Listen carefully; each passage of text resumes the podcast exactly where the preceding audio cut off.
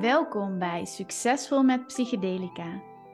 De podcast met een inkijkje naar een andere dimensie. Voor vrouwen die vanuit purpose en passie willen leven en leiden. En schaamteloos durven kiezen voor de onconventionele route om hun innerlijk vuur te eren. En daar succesvol mee zijn. Ik ben Suzanne, expert op het gebied van energetisch werk, plantmedicijn en embodiment. Met deze podcast nodig ik jou uit in een nieuwe dimensie te stappen. Regelrecht terug in verbinding met je hart. Welkom allemaal bij een nieuwe aflevering van de Succesvol met Psychedelica podcast.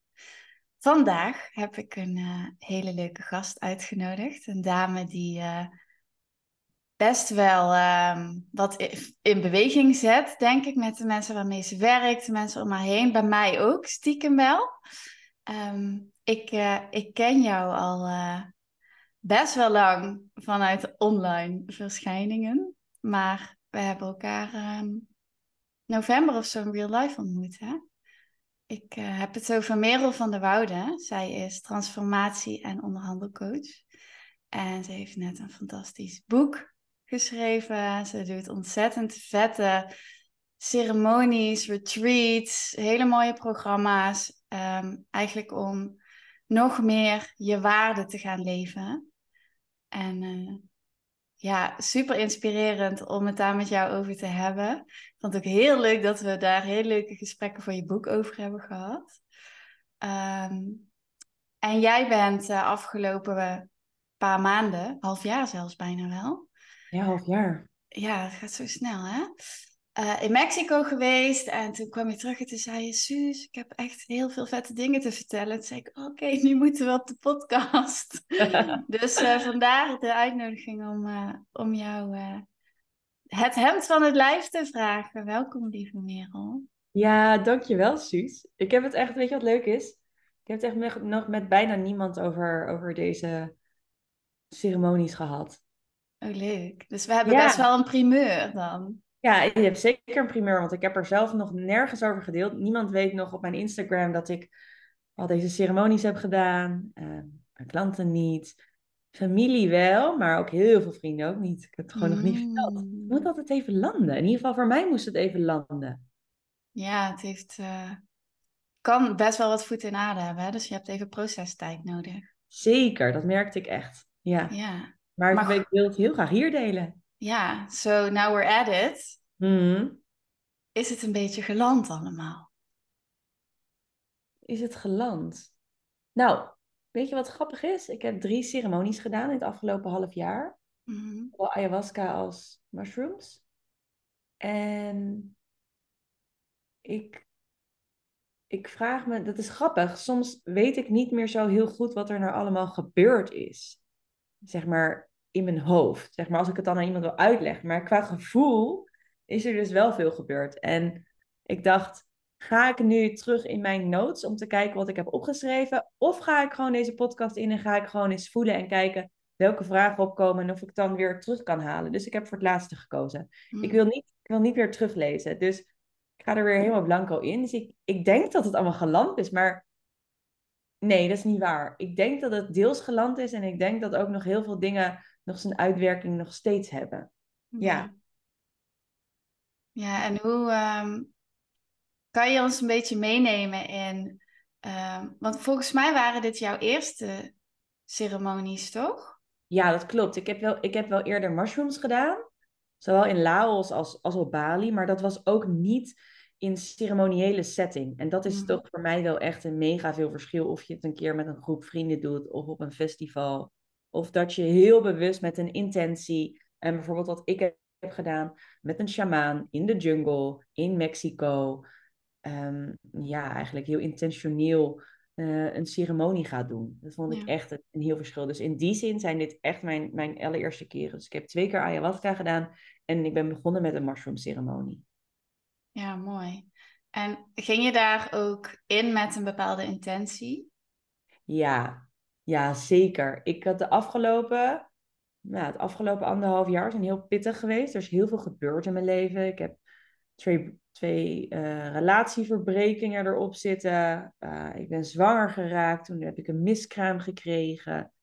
Uh, toen ben ik opnieuw, ben opnieuw verliefd geworden. En ik kwam er dus achter dat ik na vier weken nadat ik deze man kende, dat ik dus zwanger was. En er is zoveel gebeurd. En tegelijkertijd liep mijn business door. Dat um, afgelopen december ik echt dacht, en ik ben nu gewoon op. Ik heb ruimte nodig om te verwerken, om ten eerste te rouwen van de eerste relatie die ik beëindigd heb. En daarna bij te komen van opnieuw verliefd worden. En dan opeens zwanger raken en dan een miskraam.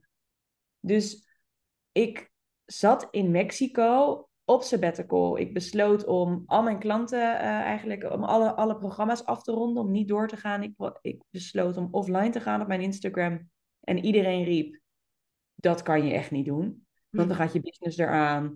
En je kan toch niet zomaar uh, offline gaan. En nee, dit kan allemaal niet. En, en je boek op komst. En mijn boek komt eraan, dus je moet online zijn. En ik dacht alleen maar, als ik nu niet offline ga en als ik nu niet naar Mexico ga om voor mezelf te zorgen, dan is er helemaal geen bedrijf meer. Want dan ga ik zo slecht. Dus ik ging ook echt heel slecht. Ja. Ik, ik ging naar Mexico om, om rust te vinden. En het enige wat er gebeurde, was dat ik in bed lag met, met hartkloppingen. Terwijl er op dat moment helemaal niks aan de hand was. Ik had genoeg geld, ik had een huis, ik was weer samen met mijn vriend. Ik woonde in Mexico, ik woonde aan een prachtig strand. Ik had alles. We hadden een mooie jeep en een hondje en alles. The perfect picture. Ja, en van binnen voelde ik alleen maar angst en paniek. En wat doe ik hier op aarde en waar word ik nou eigenlijk blij van? En nou, het is nog nooit zo donker geweest. Ik heb dit in, in, in mijn hele 36 jaar gewoon nog nooit gehad. De, hoe ik de afgelopen anderhalf jaar ben geweest. Hmm. En toen was ik in Mexico, ben ik heel veel gaan mediteren en dat hielp. Ik moet echt zeggen dat hielp. Ik ging elke ochtend een uur lang zitten op mijn matje in stilte. En daar kwam meer de rust. Maar het bracht me nog niet wat ik echt wilde. En toen dacht ik, oké, nu ga ik in therapie. Nou, long story short, ik heb alles geprobeerd. Hmm. En nog steeds voelde ik me shit. Ik werkte niet, ik had genoeg geld, ik zat in therapie, ik had fijnste mensen om me heen. Hmm. Een mooie plek. En alsnog bleef ik me gewoon zo rot voelen. En toen kwam ayahuasca en, en, en mushrooms op mijn pad. En toen dacht ik, now is the time. Want ik heb dat misschien wel eens aan jou verteld, Suus, dat in 2012 dat ik in de jungle van Colombia was, waar ik ook een shamaan ontmoette. Uh, dat is nu dus al elf jaar geleden. En dat ik aangeboden kreeg om daar mee te doen met een mooie ayahuasca-ceremonie. En ik heb toen toch besloten dat niet te doen. En de afgelopen elf jaar heb ik er heel vaak over nagedacht, maar het riep me nooit. En nu mhm. opeens, daar in dat donker, dacht ik: Mijn god, misschien kan ik daar wel nog dieper de donker ingaan. En dat dan eigenlijk transformeren in licht. Dat is wat ik wilde. Gewoon eens uitzoeken van: What is going on? Ja, nu zit je toch al zo diep erin, dan kom maar met alles. Nou, ik dacht echt, ik kan, e-, ik kan echt niet nog dieper hoor. En dat denk je elke keer, hè. Nou, heel, heel veel dieper kan ik toch niet gaan, hè. Weet je, nou, dan, dan uh -huh. Nou, je kan gewoon nog dieper. Elke keer kan je gewoon dieper. Dus ik dacht, ja, ik ga hierin. All the way gewoon, all the way. Oh, dit klinkt dan heel eng en spannend en exciting tegelijk. Dat was het ook echt. En het kwam ook precies op mijn pad, want ik zag opeens in de groepsapp waar ik in zat, dat de kleinzoon van Maria Sabina, mhm. eh, dat, ja, hoe zou je Maria Sabina uitleggen? Een beetje de, ja, de, de bekende vrouw uit... Ja, ze... Peru, uit? Ja, volgens mij is ze uit Peru. Uit Peru. En zij heeft eigenlijk het plantmedicijn met de wereld gedeeld. Ja, en daar zijn heel veel bekende mensen uiteindelijk naartoe gegaan. Iedereen ging naar haar in Peru. Ja. haar kleinzoon kwam naar Tulum om in de jungle daar een ceremonie te geven. En alles in mij zei, ik moet bij deze ceremonie zijn, bij die kleinzoon van, van, van Maria Sabina. Ja. En toen heb ik gewoon geboekt. Ik, ik heb niks ingelezen, niks gedaan, niet voorbereid. Ik ben gewoon gegaan. En, en toen, en toen. Ja, het is eigenlijk heel, het is, het is helemaal het is, het is een heel intens verhaal, vind ik zelf. Want ehm, je moest een matje meenemen en ik, ehm, ik eh, had geen matje, dus ik had al geappt naar die mevrouw van ik heb geen matjes, ik hoop dat die er daar zijn. Nou, geen reacties, ik kom daaraan. we gaan de jungle in. Je rijdt dan een minuut of 10, 15 vanaf de snelweg. Nou, misschien wel langer eigenlijk. Je rijdt best wel lang de jungle in. En dan kom je uiteindelijk, kwamen we bij een, een plek uit met een hele grote ronde cirkel. Maar gewoon van cement. En ik denk, Mhm. shit, ik heb geen matje. Dan ga ik heel de nacht doorbrengen. Dus ehm, ik ben daar eh, op de grond gaan zitten als enige. En er werd een hele grote kring gemaakt. En Hoeveel mensen waren er dan?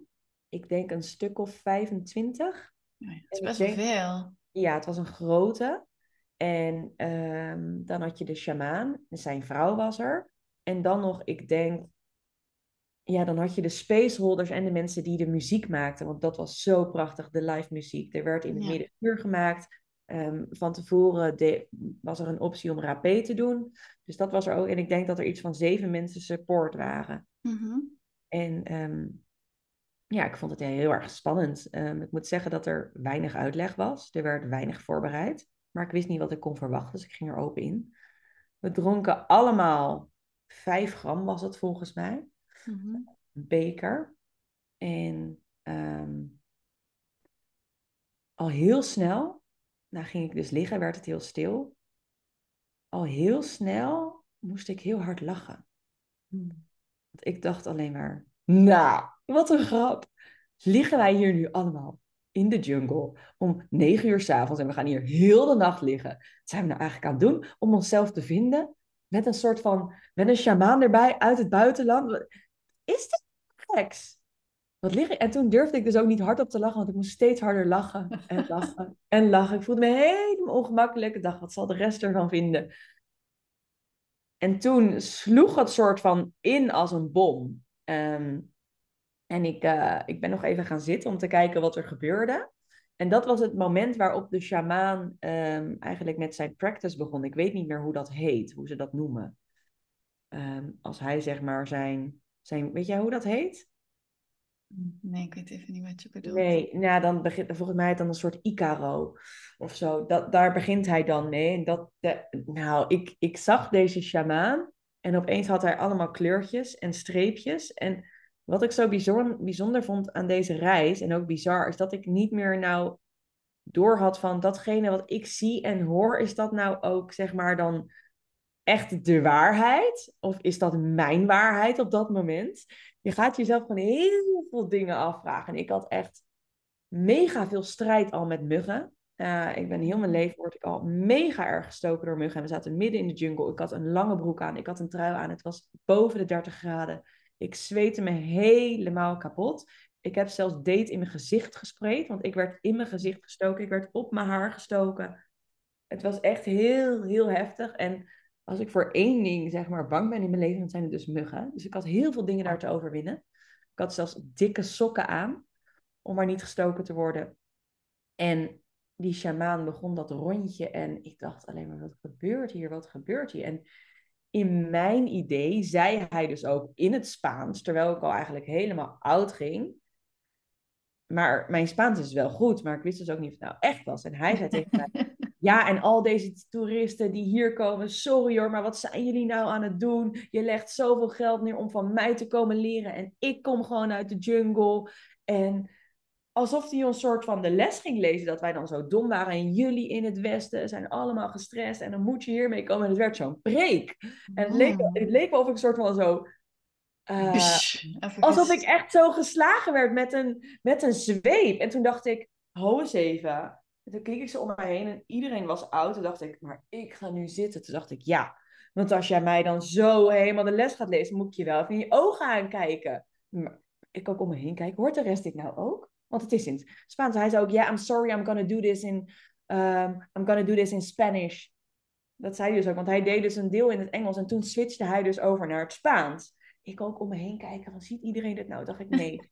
ik moet gewoon hier zitten en dit ontvangen van deze man. En toen ben ik daarna knock-out gegaan. En het enige wat ik tien uur lang heb gehoord is... Wat ben je hier aan het doen? Ga nou maar naar huis. Wat ben je hier aan het doen? Ik wil naar huis. Wat ben je hier nou aan het doen? Ga naar huis. Waarom helpt niemand mij? Wat ben je hier aan het doen? Ga naar huis. Waarom helpt niemand mij? Waar ben ik? Tien uur lang. Ik kon niet bewegen. Ik kon niet zitten. Ik kon alleen maar op mijn zijkant liggen.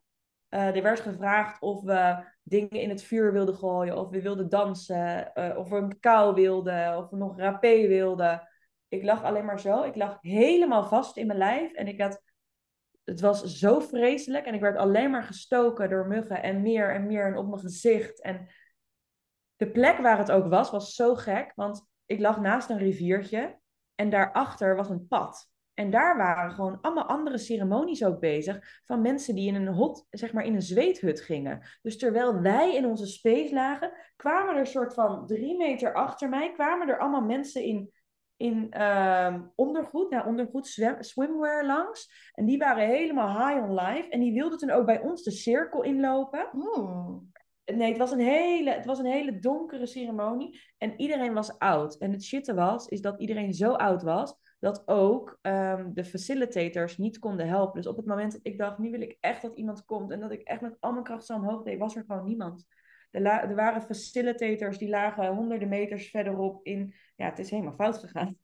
Die lagen honderden meters verderop op weg naar de wc. En het ging gewoon helemaal fout. En het was donker, donker, donker. En ik voelde gewoon dat niemand bijna kon die energie kleren naar het licht. Hmm. Het lukte gewoon niet. En het werd maar donkerder en donkerder. En ik had maar één, één ding continu, wat doe ik hier? Ik wil naar huis. Wat doe ik hier? Doe ik naar huis? Ik wil naar huis. Ik wil, ik wil drinken. Ik wil eigenlijk ook heel graag plassen. Waarom helpt niemand me? Intens? Het was heel intens. En uiteindelijk ben ik soort van in slaap gevallen. En toen ik wakker werd, keek ik om mij heen. Toen was de shamaan al weg. Waren er allemaal mensen al weg. Ja. Oh, ze laten je daar gewoon liggen. Ja, en toen zei een meisje naast me. Ik zo, wow, wat is er? Wat, is dit? Zei ze, ja, over anderhalf uur komt de taxi en dan zijn we klaar. Ik zo, wat? Ik, ik zo, holy fuck, ik voel me zo slecht. Ik heb zo'n dorst, ik moet plassen. Oh mijn god, echt, ik, ik moet geholpen worden. En toen zag ik een Mexicaanse vrouw opstaan waarmee ik, uh, waarmee ik wist dat zij met haar eigen auto was gereden. Toen ben ik echt op al mijn kracht ben ik opgestaan. Toen heb ik haar gesmeekt, mag ik alsjeblieft met jou mee naar huis? Mag ik alsjeblieft met jou mee naar huis? Ik kan hier echt niet blijven liggen. Ze lieten je daar dan gewoon anderhalf uur dan liggen totdat de taxi kwam. Die, die afsluiting werkte ook niet goed. Ze kwamen niet naar je toe van, hey, hoe gaat het met je? Hoe is het? Niks, helemaal niks. Ik heb gewoon twaalf uur lang niet geplast, niet gedronken, niet opgestaan. Het was... Een helemaal verlamming bijna. Ik had een enorme verlamming. En um, ja, op het moment dat ik nog kon bewegen, was er gewoon niemand. Mm. Omdat iedereen dus oud was. En het was zo heftig. En ja, uiteindelijk is het wel heel interessant dat uiteindelijk ben ik naar huis gegaan, heb alleen maar gehuild. Met die vrouw? Ja, ik ben met die vrouw naar huis gegaan. En zij heeft mij in het centrum afgezet. Toen heb ik daar weer gewacht op mijn vriend.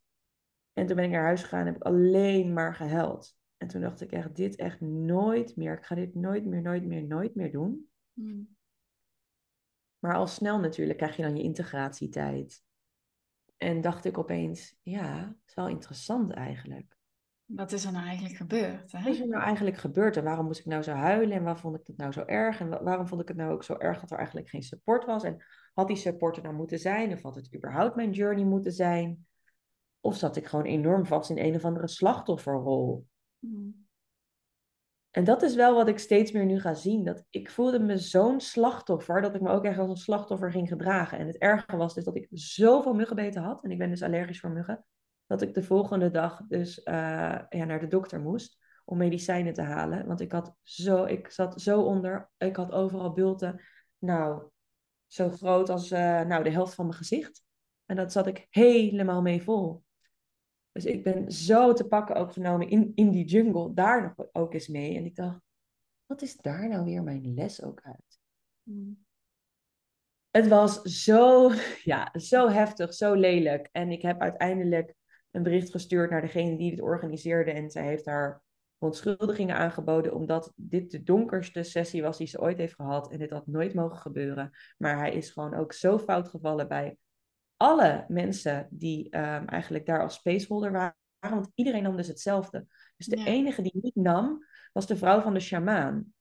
Maar zij kon dat natuurlijk helemaal... Zij kon, niet dragen, nee. Ja, dan, moet je 35 mensen gaan... Uh... Ja, nee, ik denk dat het wel... Ik denk dat het 25 deelnemers waren en dan zeker 10 wel supportmensen. Ja, daarom. 35, dat, dat lukte helemaal niet. En het interessante is dat dat dat me eigenlijk deed beslissen van, misschien ben ik klaar voor ayahuasca. Dus waar ik eerst dacht, nooit meer, dit is het allervreselijkste wat ik ooit heb gedaan, wat ik ooit heb gedaan. Ehm, dacht ik daarna, misschien ben ik wel klaar voor ayahuasca. Misschien moet ik nog dieper gaan. Hmm. Dit was de voorbereiding. ik denk dus dat dit de voorbereiding was. En toen ben ik ayahuasca gaan doen. Maar dit was geen ayahuasca? Nee, dit was die mushroom. Oh, wacht even. Ik dacht dat je bedoelde dat dit al de ayahuasca was. Nee, dit was die white sage, hoe heet die volgens mij? Of iets met Mhm. white. Ik moet er nog even goed vragen welke we nou hadden. Dit was de mushroom ceremonie die zo heftig was. En na mijn twee ayahuasca ceremonies weet ik ook nog steeds dat die mushroom ceremonie zo heftig was. Want ik vond mijn ayahuasca ceremonies echt hartstikke Dat was heel anders. Hmm. Maar ja, het is ook wel interessant hè, wat je zegt van, kijk, veiligheid is echt heel erg belangrijk. Alleen dan sta je natuurlijk, dan zit je in een context waar het zo cultureel anders eruit ziet om met dit soort medicijnen te werken. En zo'n shamaan heeft daar al, laten we er even vanuit gaan, zijn hele leven ervaring mee. En die doet dat op deze manier. Maar als je dan als zo'n westerling daar zo plop invalt ineens, dan heb je geen idee. Dus dat is ook hè, waarschijnlijk zien zij ook de uitdagingen die je dan tegenkomt juist als heel waardevol. Maar zo zouden wij het hier natuurlijk nooit aanpakken. En weet je wat ook interessant was? Als de shamaan naar mij toe kwam en dan vroeg hij, gaat het oké? Dan zei ik dus yes. En dan dacht ik, Ah. zeg ik nu ja? Hmm. Vond ik ook Dat- heel interessant dat ik dat dus deed. Yes, sí, sí. Ik weet niet meer of het in Spaans was, ik weet het geen eens meer. Maar dan zei ik dus ja. Terwijl ging, ik ging helemaal niet lekker en ik wilde heel graag plassen en ik wilde heel graag een slokje water en er stond naast me, maar ik kon er niet bij. Ik had, Ja.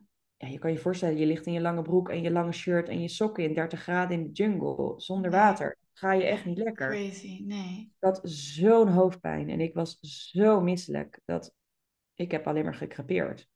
En dat was waarschijnlijk niet alleen van de mushroom, maar ook van de dehydration. En Ja, ja, wauw.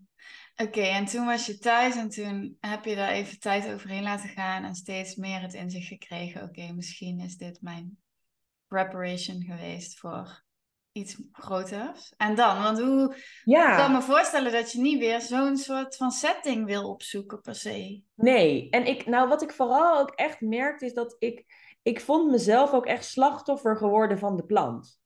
Dus wat ik had bedacht, is dat ik het Ah. eens doe, dan ben ik geen slachtoffer van de plant, dan ga ik daarmee samenwerken. Ja, En het interessante is dat ik daar eh, een hele leuke vrouw leerde kennen. Zij komt oorspronkelijk uit Colombia en is in de jungle geboren. En het is echt een medicijnvrouw. En ik kende haar al een beetje. En op een dag loop ik haar tegen het lijf. En ze vraagt, hoe was de mushroom? Ik zeg, nou, dat, holy fuck, het was zo heftig, zo heftig, zo heftig. En zij zegt tegen mij, ik ga vanavond een ayahuasca-ceremonie doen. Met zo'n mooie groep. En het werd haar dertiende. Hmm. En eh, ik zei, nou, wat leuk. Ze zegt, maar kom dan straks even naar het zwembad. Eh, dan hebben we het er nog even over. Dus ik, eh, ik kom naar haar zwembad en we hebben het er nog even over. En opeens zegt ze van, maar ben je eigenlijk klaar dan voor, voor een volgende sessie? Zou, zou je niet ook ayahuasca willen doen? En ik heb dit ook wel eens aan jou verteld, Suus, van dat ik nooit ayahuasca heb willen doen de afgelopen elf jaar. Ik wilde het gewoon niet. En toen zij dit dus aan mij vroeg, kreeg ik zo'n hele harde ja. Toen zei ze, maar zou je niet vanavond dan gewoon mee naar de jungle willen? Want dit is zo'n geweldige groep. Wij zijn net met z'n allen terug uit Colombia en wauw, de live muziek. En toen dacht ik, over hoe lang begint het? Over anderhalf uur.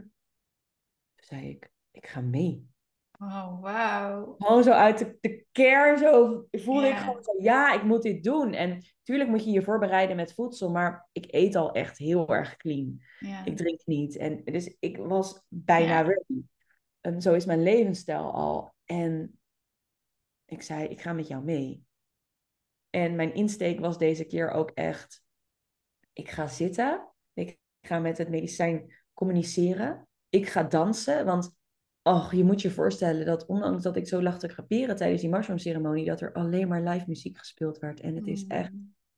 zo prachtig. En ik Ja, kon het komt zo binnen. Oh, en ik wilde het zien. En eigenlijk wilde ik ook staan en wilde ik het voelen. En ik wilde naar het vuur. En mijn hele idee van ayahuasca was: oké, mijn, mijn intentie was deze keer: let's transmute this darkness into light. I'm gonna throw all this darkness into the fire. I'm gonna transmute it. And I'm gonna dance. And I'm gonna enjoy it. And I'm gonna laugh. And I'm gonna sit. I'm gonna do everything. En mijn vriendinnetje zei tegen mij: Weet je, mag ik je nog één tip geven? Elke keer als jij denkt, ga, als jij ayahuasca hebt gedronken en uiteindelijk komt het eruit en jij denkt: Ik heb genoeg, ga je nog een keer. Dan zei ik: Oké, is goed. Dus we kwamen daar aan bij die setting en het was weer best wel een grote groep, maar het was gelijk een hele andere energie. Mm. De, de shamaan kwam langs, die kwam met iedereen even zitten. Die vroeg, wat is je intentie? Hoe gaat het met je? Waar heb je behoefte aan? Echt even dat moment. De cirkel werd even met z'n allen gedeeld. Werd echt, de cirkel werd geopend. Er werd een mooie plek gemaakt. Er werd energetisch schoongemaakt. Maar dit is al zo anders. Het was zo anders. Dat andere was echt. Oh, wat was dat naar? Het echt zo naar.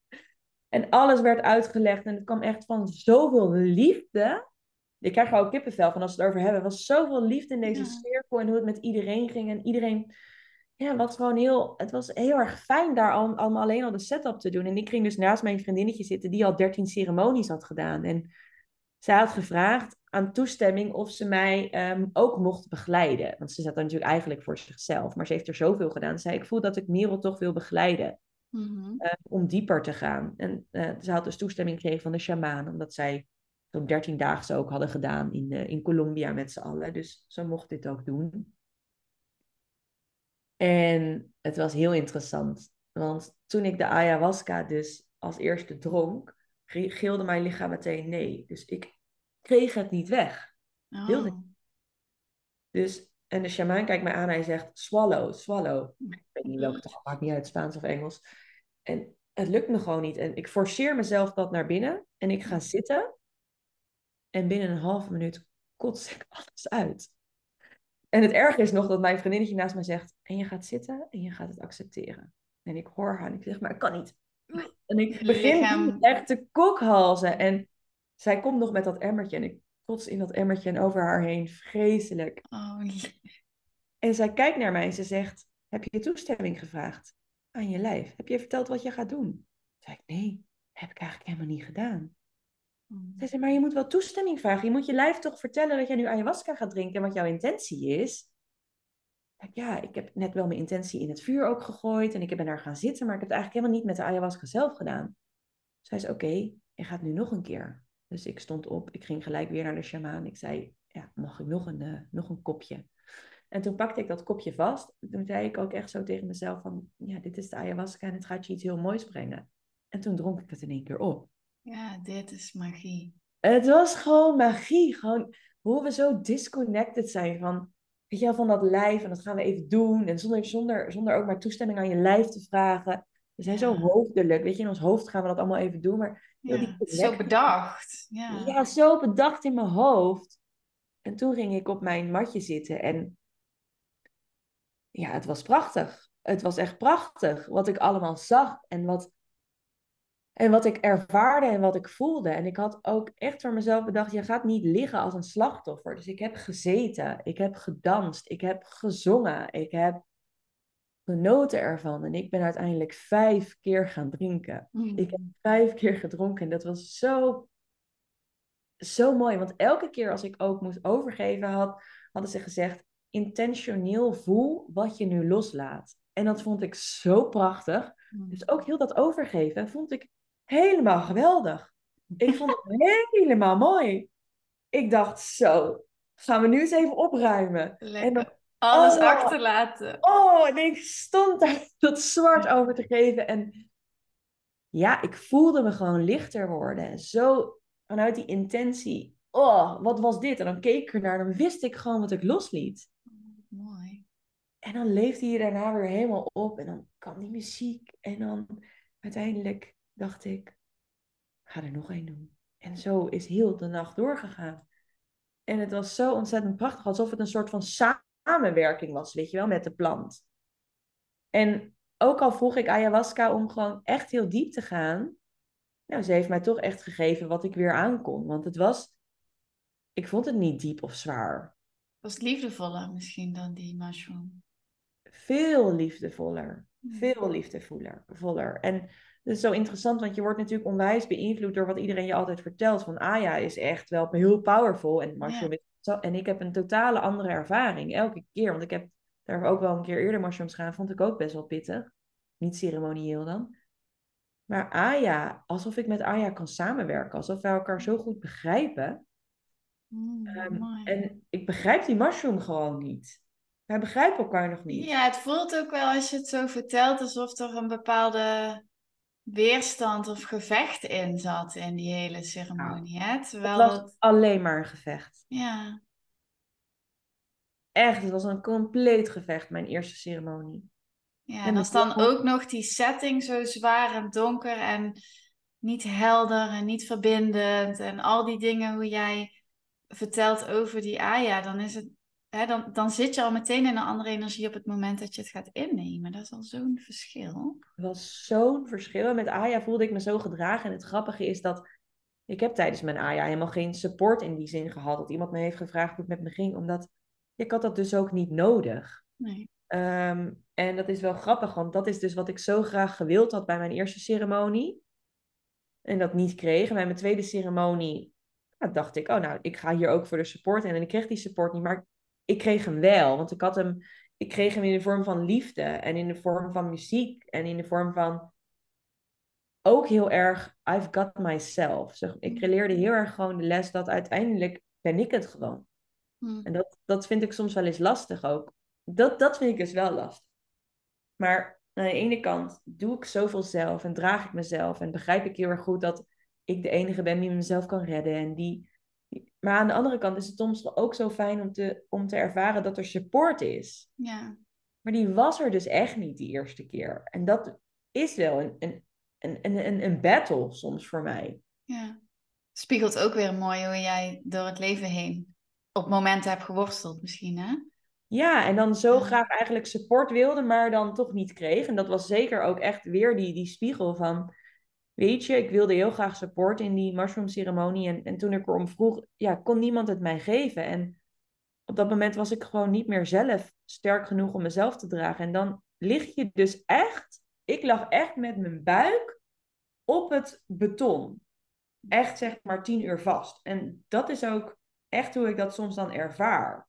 En dat is dat ik nooit meer wilde ervaren. En bij ayahuasca dacht ik, oké, but I don't even need the support. Hmm. Ik kan gewoon samenwerken en I've got me.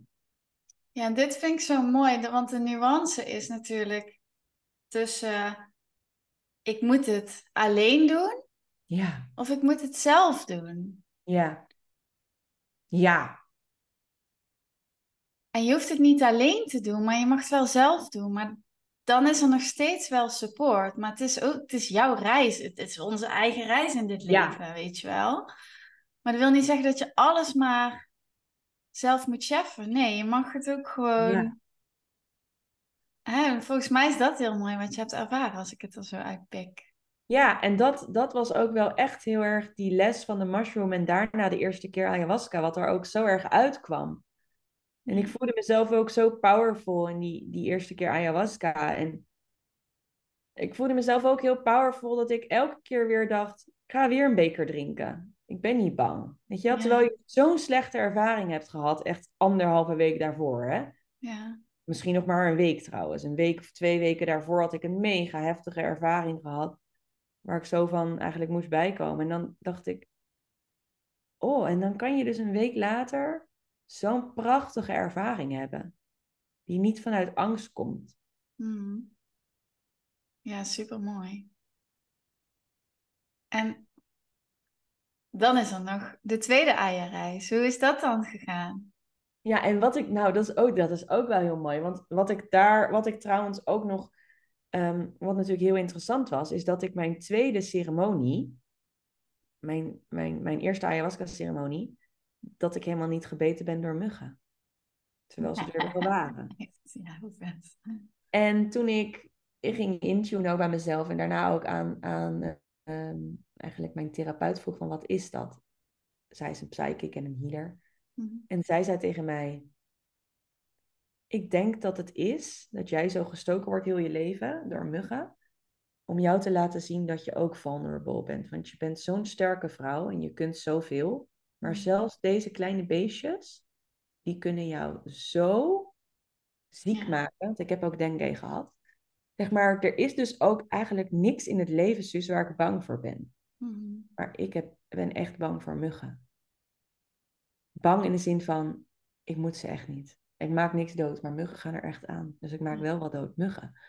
En dat vond ik ook weer zo'n mooie les van, ja, I am still vulnerable. Want ik voel me altijd super powerful en ik kan het ook alleen. En, maar uiteindelijk ben ik ook gewoon super vulnerable. En dat laat die mug mij dan elke keer gewoon zien. Nog 36 jaar lang. Ja, maar nu heb je het gezien. Och, Dus ik ben ook heel benieuwd hoe het dan daarna met de muggentoestand is gegaan. Ja, ik, de tweede ayahuasca-ceremonie, die was echt prachtig, was in de jungle van Tulum. Eh, een hele grote villa. eh, met mijn therapeut, de healer. En nog een reiki-master. En een hele mooie shamaan uit Mexico die in Peru is opgeleid. En dan nog drie mensen voor de muziek. Ehm, en de support dus. En we waren maar een groepje van vier of vijf.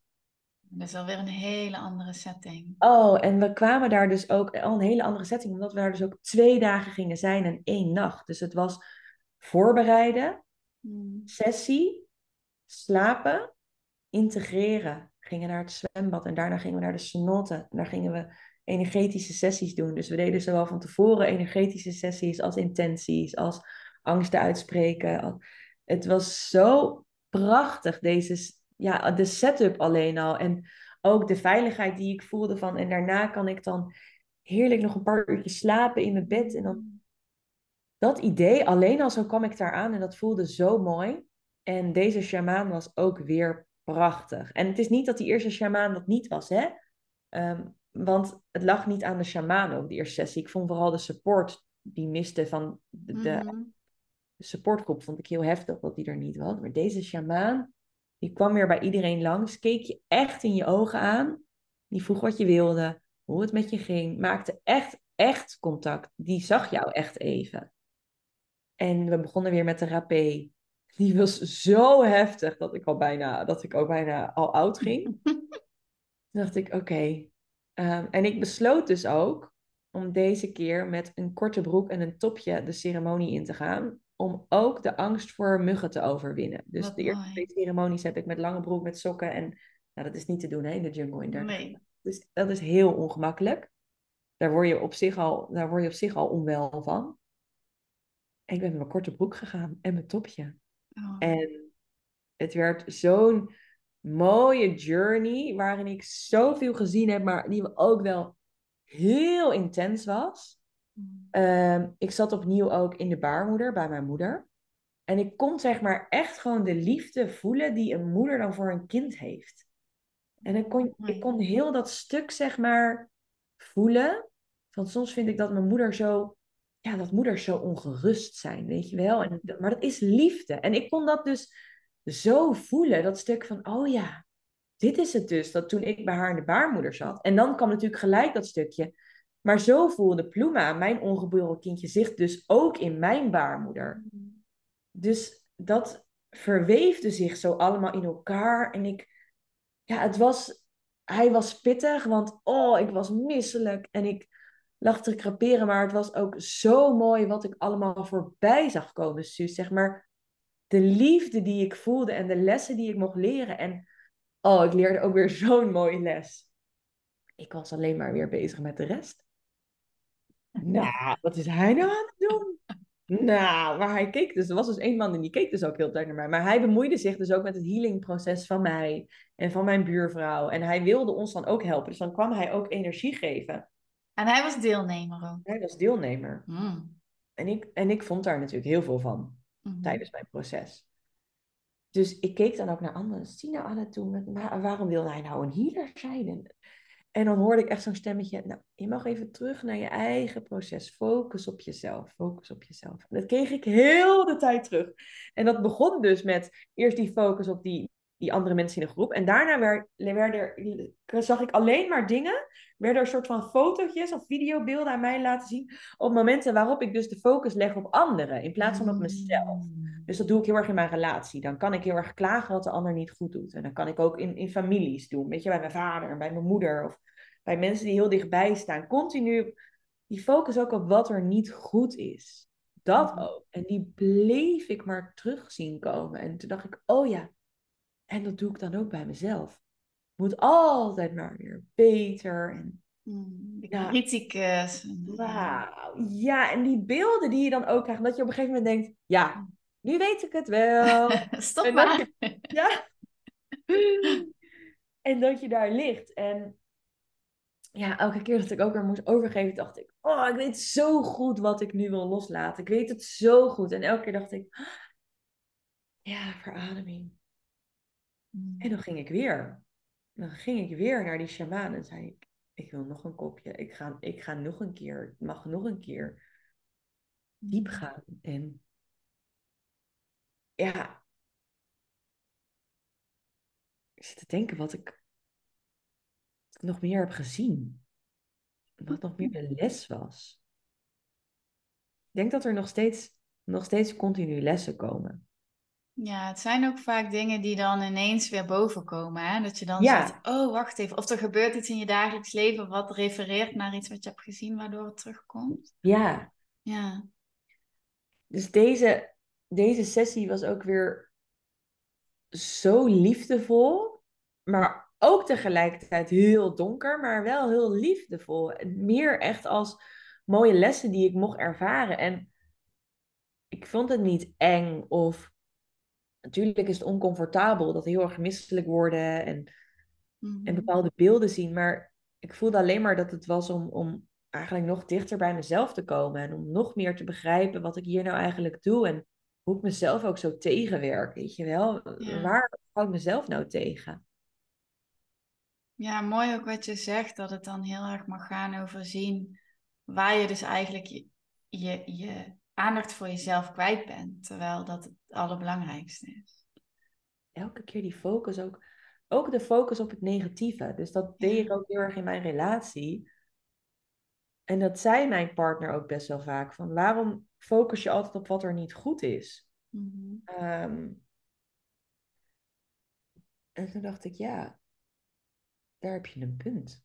En weet je, ik mag ook op een gegeven moment dan besluiten, want of je kiest voor deze partner in deze vorm, of je gaat. Mhm. Je gaat niet dit heel je leven doen. En, en, en hopen dat, weet je wel, dat, dat, het, dat het toch veranderd wordt. Dat ik soort van aan het daten ben met potential. Ja, maar dat, ja, dat, dat, dat is no way to go. Nee, en dat realiseerde ik me wel. Dus dit was ook wel echt de message. En op een gegeven moment dacht ik ook echt.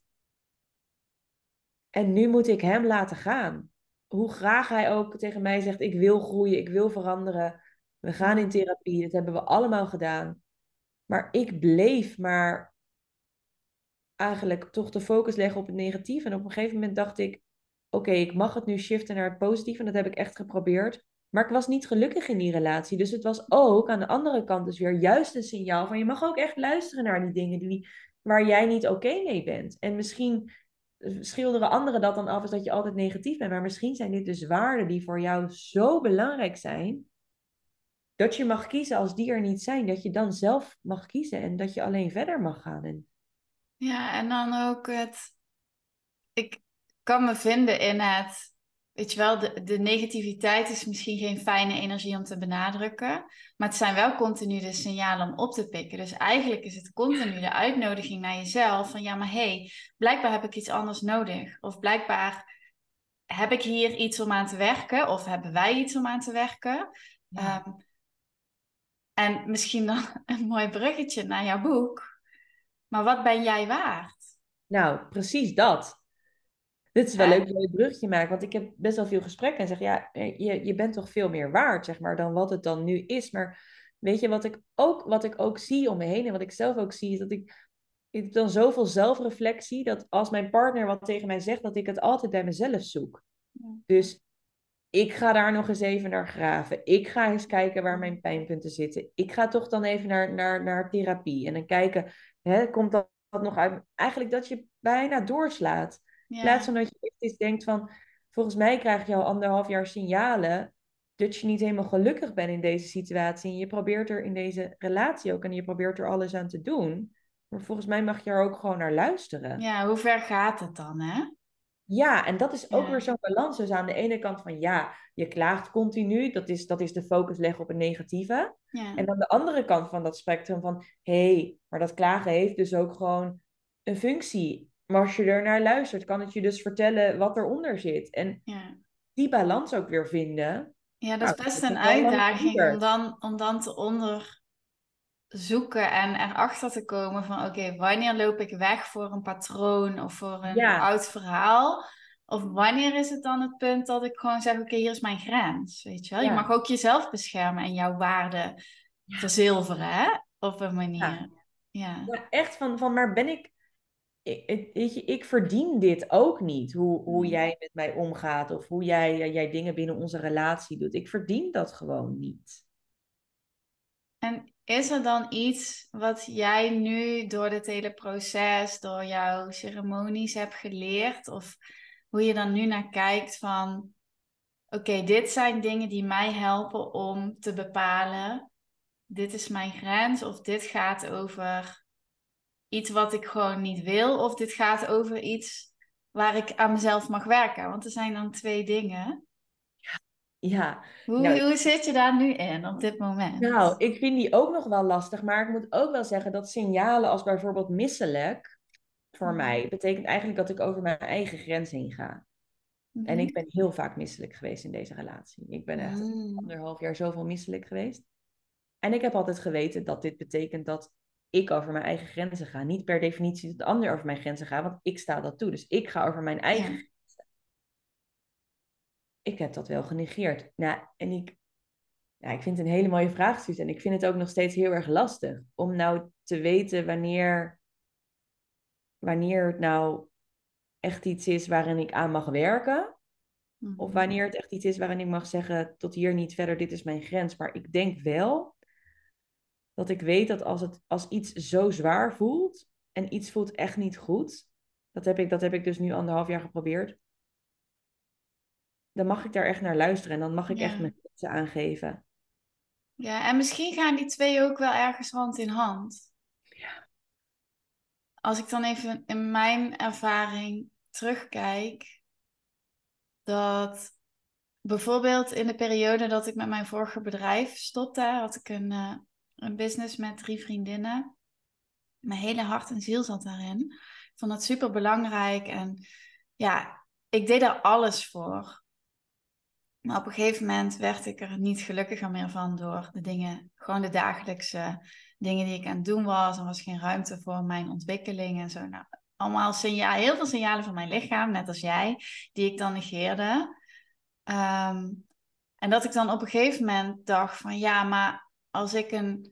Hè, dan kan je best wel rationeel kijken van ja, maar als ik een andere rol aanneem, als ik mijn perspectief verander, als ik aan mezelf werk, weet je wel, dan hoef ik niet weg.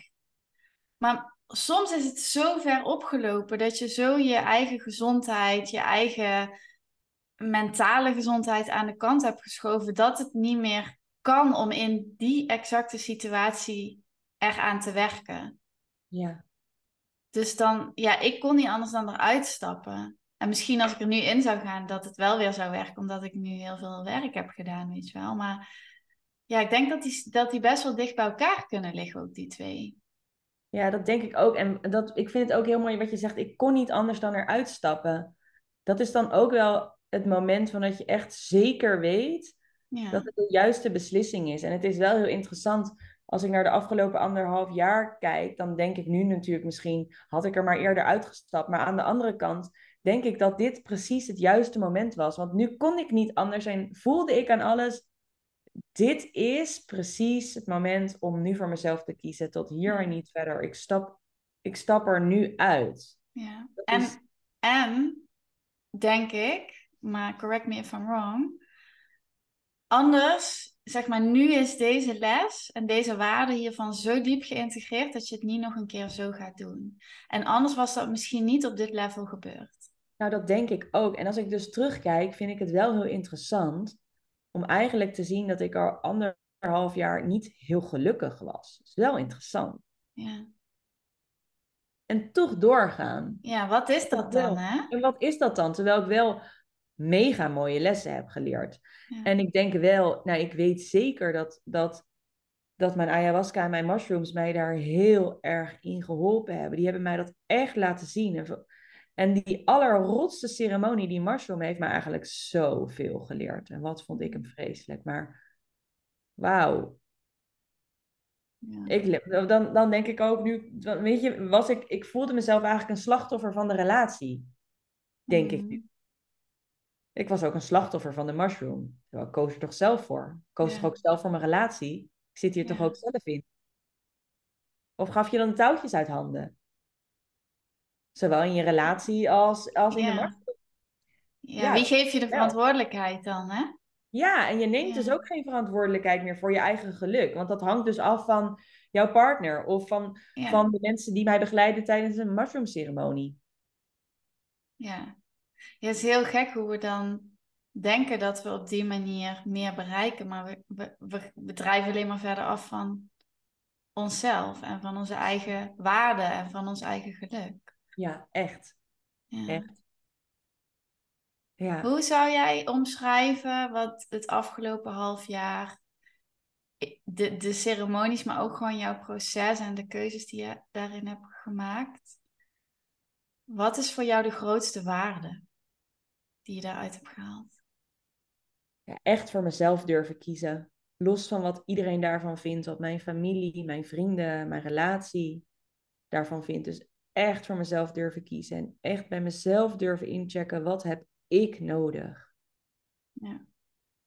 En daar zijn de voorbeelden van om een sabbatical te nemen, om offline te gaan, weet je wel, om al je klanten ook gedag te zeggen, om uit een relatie te stappen, om wel voor ayahuasca en mushrooms te kiezen ehm, in the middle of nowhere, zonder bereik op je telefoon, want ook al mensen zeggen, oh, dat moet je allemaal niet doen, dat is gevaarlijk. Mm. Mm. Om heel erg bij mezelf te blijven en te voelen, wat heb ik nou nodig? En echt mijn eigen pad te bewandelen en niet wat anderen van mij verwachten of wat 95% van de maatschappij doet. Ja. Dat En was dan- deze les weer.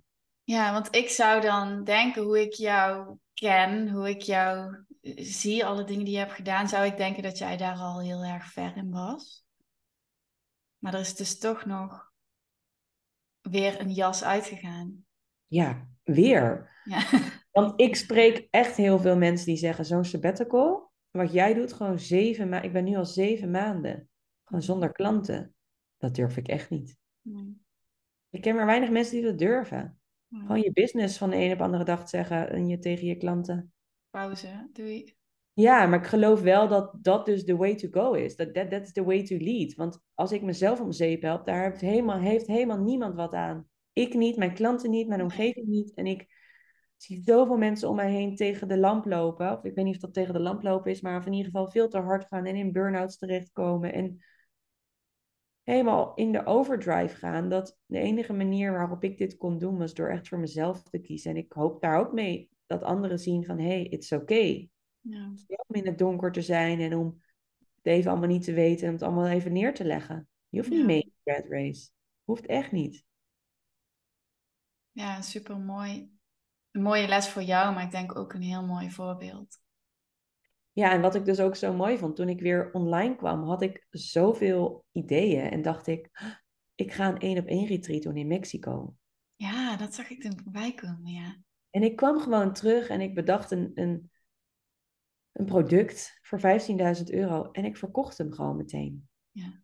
Iedereen die zegt, je helpt je business om zeep en je kan niet offline. Not true. Not true. Ik ben zo blij dat ik op mezelf heb vertrouwd. Is gewoon niet waar. Het zijn ook gewoon weer verhalen. Dat zijn andere angsten, hè? de angsten van Angsten, anderen op jou ja. geprojecteerd. Ja, Ja, en ik ben zo blij dat ik er niet naar luister. Want tuurlijk worden we als mensen allemaal beïnvloed door elkaar. Hè? En, en angst heeft echt wel invloed op anderen. Als ik ja. continu tegen jou zeg, nou Suus, eh, eh, ik, ik noem maar wat. Je moet toch echt eh, weer aan de bak hoor. Je moet echt vijf dagen, moet zes dagen per week gaan werken. Of je moet ja. Zou je dat nou wel doen? En, ja, dat wel doen. Ja. Dat heeft echt toch wel invloed op je. Maar dan juist weer terug bij jezelf komen en dan denken, maar wat heb ik dan nodig? Wat is nu goed voor mij? Ja. Daar kunnen we er ook voor anderen zijn. ja, en dan wat ik nu heel erg voel nu je dit zegt, is ik ben hier ook heel erg mee bezig om naar mezelf te kijken en mijn keuzes en mijn grenzen heel erg helder te hebben. Maar ook misschien dat ik, ik ook nog steeds onbewust wel dit soort dingen tegen andere mensen zeg. Dat je toch soms ook je eigen dingen nog blijft projecteren. Dus dat is ook heel belangrijk om bewust van te zijn van hoeveel invloed heb je op iemand. Ja. ja. En daarin ook nog, nog bewuster te zijn van hé, hey, wat geef ik nou iemand mee? Ja. Dat is echt een mooie, want dat is zo waar. We schieten zo vaak ook in, in onze automatische piloot. Hè. Ik, was, was gisteren met vriendinnen die allemaal kindjes hebben, ook op, um, op campingbakken. En um, het is zo grappig hoe, hoe we bepaalde dingen van onze ouders overnemen. Terwijl je eigenlijk denkt, waarom zeg ik dit nou? Ja. wil ik helemaal niet zo zeggen. Ja. Zit er zo diep in dan? Zit er zo diep in. Maar het is ook wel mooi om daar bewust van te zijn. Ja. Ja, zeker weten. hey, en um, als jij nou de luisteraars een advies zou geven in, oké, hoe kan ik dichter bij mezelf blijven? Hoe kan ik mijn waarde zien, erkennen, verzilveren? Wat zou je ze dan willen meegeven? Oh, nog meer tijd met jezelf. Nog meer tijd alleen doorbrengen. We, we, ik denk dat er zoveel wijsheid zit in alleen in de natuur bel gaat. Ik heb geen flauw idee. Ik heb geen afspraken. Alleen, alleen zijn of alleen in de natuur zijn. Daar zit zoveel magie in. Dat merk ik zelf ook. Als ik de stilte inga, nou, dan, dan krijg ik wijsheid door die ik niet krijg als ik, door, als ik eigenlijk maar doorga in, in bepaalde routines. En vanuit die plek kan ik weer voelen en niet alleen denken. Want we denken zo van. En dan weer voelen, hoe, hoe wil ik me voelen? En welke waarden passen daar dan bij? En wat mij ook enorm helpt, is om in die stiltes is te gaan schrijven. hoe wil je je voelen? Hoe wil je je leven leven? Wat is voor jou belangrijk? En hoe, wat, wat bedoel je dan met belangrijk? En hoe ziet dat er dan uit? Maar ook heel, heel bewust kiezen van, als dit voor jou heel belangrijk is, wat houdt dat dan in? Waar, waar zeg je dan ja tegen? Maar ook heel belangrijk, waar zeg je dan nee tegen? Mm. Ik denk dat dat een hele, een hele belangrijke is. Ja, mooi. Het zijn hele mooie vragen om op te reflecteren. En daar moet je de tijd voor maken, want dat doe je niet even tussendoor. Nee, dus, dus juist avondjes alleen, dagen alleen. Zonder, zonder dan, dan. Ruis. Ja, zonder ruis. Gewoon maar zitten. Laat die verveling ook maar eens komen. En dan kom je bij je gevoel. En vanuit dat gevoel kun je voelen waar je mega blij van wordt. En waar je die sparkle hiervan krijgt. En dan weet je dus ook dat elke keer dat dat niet op je pad komt, dat je weet dat je anders mag kiezen. Ja. Is dit een samenvatting van je boek? Nou, eigenlijk nou, wel een stukje. Het gaat echt over dat stukje waarde, dat stukje eigenwaarde. En daar hangt dan ook weer bij financiële waarde. Ja. Het is hem allebei. Vind jij het ook jezelf waard? Dat je, vind jij het jezelf waard om voor de liefde te kiezen, of een business te starten, of op sabbatical te gaan, of een boek te schrijven, of om eens even helemaal niks te doen, of juist om een nieuwe, nieuwe sport te gaan doen, of om nieuwe vrienden te maken? Wat het dan ook is, ja, vind jij het jezelf waard? We vinden het ons het heel, onszelf heel vaak niet waard en daarom doen we het niet. Ja, en dan blijf je, blijf je staan waar je staat. Hè? Ja, dat is één ding zeker. Dat als we blijven doen, als we, als we doorgaan hoe we het nu doen, dan staan we over een jaar op hetzelfde punt. Dat is oké als, je als je heel blij bent waar je staat. Maar als je voelt dat er, dat er meer is, waar, waar je, misschien is het geen eens het woord meer, maar dat er iets is waar je heel blij van wordt en wat jij heel graag zou willen en je staat daar niet, dan weet je dat er verandering mag komen. Ja. Ja, mooi. Ik zal in de show notes even de link naar, uh, naar je boek delen. Heel leuk. Ik wil hem ook lezen, want dat heb ik nog niet gedaan. Dus dat gaat Heel leuk. ook op het programma. En dan uh, ga ik er ook nog wel over delen. Want ik ben heel benieuwd natuurlijk. Ik ben ook heel benieuwd wat jij ervan vindt. Wat je van je bent het waard natuurlijk. Het gaat natuurlijk ook een heel stuk over waar wij het over hebben gehad angsten ook die komen kijken en de meningen van anderen. Ja, Zo, zo'n groot tap, gewoon zo'n grote topic. ja, zeker. Is er nog iets waarvan je zegt, nou, dit wil ik nog heel graag delen? Of iets wat ik niet heb gevraagd misschien? Nee, ik denk het niet. Ik denk, eh, nee. Er staat vast nog veel meer in mijn boek, maar ik vond dit een hele, ik vond het hele mooie vragen, Suus. En ehm, ik ben heel benieuwd wat de luisteraars eh, hier uithalen en wat ze er zelf mee... Ja, ja, Ja. ik ook. Ik heb misschien nog wel één vraag. Ehm, als er nou luisteraars zijn die denken, hey, ik zou wel een mushroom of een truffel of een Aya-reis willen maken. Vanuit de ervaringen die jij nu hebt, want die zijn toch best uiteenlopend. ja. Wat zou je iemand dan willen meegeven, hoe je dat aanpakt? Als ik naar mezelf kijk, mijn eerste keer dat ik in aanraking kwam met ayahuasca was elf jaar geleden. En ik voelde toen een nee. En dat heb ik de afgelopen elf jaar gevoeld. Dus ook al had ik interesse, ook al wilde ik meer weten, ook al mailde ik soms instanties of mensen over tell me more, ik voelde altijd dat het een nee was. En ik denk dat dat zo'n mooi, zo'n mooie message is, dat je voelt vanzelf wanneer het je ja is. Mhm. Ehm, en ook al zit er dan misschien nog angst op wanneer je, je een ja voelt, dat je echt durft te vertrouwen op je gevoel. Want ik, ik denk dat er ook best wel wat mensen zijn die, waarvoor het misschien nog niet de juiste tijd is. En Mhm. hoe, hoe weet je dat dan? Nou, door te voelen van, voel jij dat dit nu de juiste tijd is? Of, alsof je bijna geroepen wordt. Van, het is nu de tijd. En dat heb ik na elf jaar wel echt ervaren. Van, ik heb zo vaak in de afgelopen jaren iemand een mailtje gestuurd meer informatie opgevraagd. En op het moment dat ik dan eigenlijk op het punt stond van, nou ga ik misschien wel doen, deed ik het toch niet. En dat je naar die signalen durft te luisteren. En niet dat je denkt, hey, ik wil dit ook doen, want hè, ik heb zoveel verhalen gehoord van anderen en het kan zo transformerend zijn. En dus dat je heel erg bij jezelf incheckt van, maar is dit wat ik op dit moment nodig heb? Is dit voor mij nu? Ja, niet vanuit je hoofd, maar vanuit je lijf. Nee. Echt het voelen. Ja. Ja. Ja, dat Ja. is een hele mooie, denk ik. En super belangrijk. Ik kan niet anders dan het daar helemaal mee eens zijn. Zo mooi. Ja. Ja. Dankjewel, lieve Merel, Dankjewel, lieve Suus. voor je mooie, mooie verhaal en de mooie reis. Ik ben heel blij dat je weer terug bent. ik ook. Het is dus ook weer heel leuk om hier te zijn. In Ja. hele andere energie. Ja, fijn dat je daar dan ook weer een stukje van mee hierheen brengt. Hè? Ja, dat is echt zo. Ja, Ja. ja, mooi. Ehm Dank je wel allemaal voor het luisteren. Alle info over Merel en haar boek ga ik eh, in de show notes delen. Dus kun je daar de link vinden. Ehm, deel de aflevering. Tag ons dan even. Dat, dan kunnen we het zien. Dat is extra leuk. Ja. Eh, laat een rating achter. Laat een review achter. Zodat de podcast meer gevonden wordt. En mocht je vragen aan een van ons hebben. Stuur ons vooral een berichtje op Insta. En eh, ik hoop dat je er de volgende keer weer bij bent. Dankjewel. Doei.